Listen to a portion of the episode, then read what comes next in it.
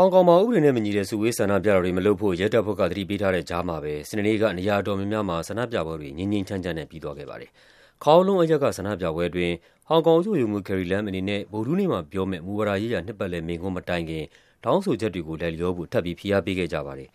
။ဥပဒေနဲ့မညီတဲ့စုဝေးမှုအဖြစ်ရဲတပ်ဖွဲ့ကသတ်မှတ်ထားတဲ့ Kowloon ကဆန္ဒပြပွဲမှာလူထောင်ပေါင်းများစွာပူးပေါင်းပါဝင်ခဲ့ကြတာပါ။အဓိကရုဏ်းနှိမ်နင်းရေးခေါင်းဆောင်းတွေဝတ်ထားတဲ့ရဲတပ်ဖွဲ့တစုကလည်းသူတို့ရဲ့ပလတ်စတစ်ဒိုင်းတွေကိုနံပါတ်တုတ်တွေနဲ့ထုရိုက်အသံပေးပြီးတော့နောက်ဘက်ခပ်လှမ်းလှမ်းကနေလိုက်သွားကြရင်းဆန္ဒပြသူတွေချသွားခဲ့တဲ့အတားအဆီးတွေကိုဖယ်ရှားခဲ့ကြပါတယ်။ဆန္ဒပြပွဲတွေမှာပါဝင်သူတွေမျက်နှာဖုံးတပ်ရင်ထောင်ဒဏ်တနှစ်ချမှတ်မယ်လို့အမိန့်ထုတ်ထားတာသီတင်းတပတ်ကြာပြီဖြစ်ပေမယ့်လည်းဆန္ဒပြသူအများစုကအဲဒီအမိန့်ကိုအံတုပြီးမျက်နှာဖုံးတွေတပ်ပြီးတော့ဆန္ဒပြချီတက်ခဲ့ကြပါတယ်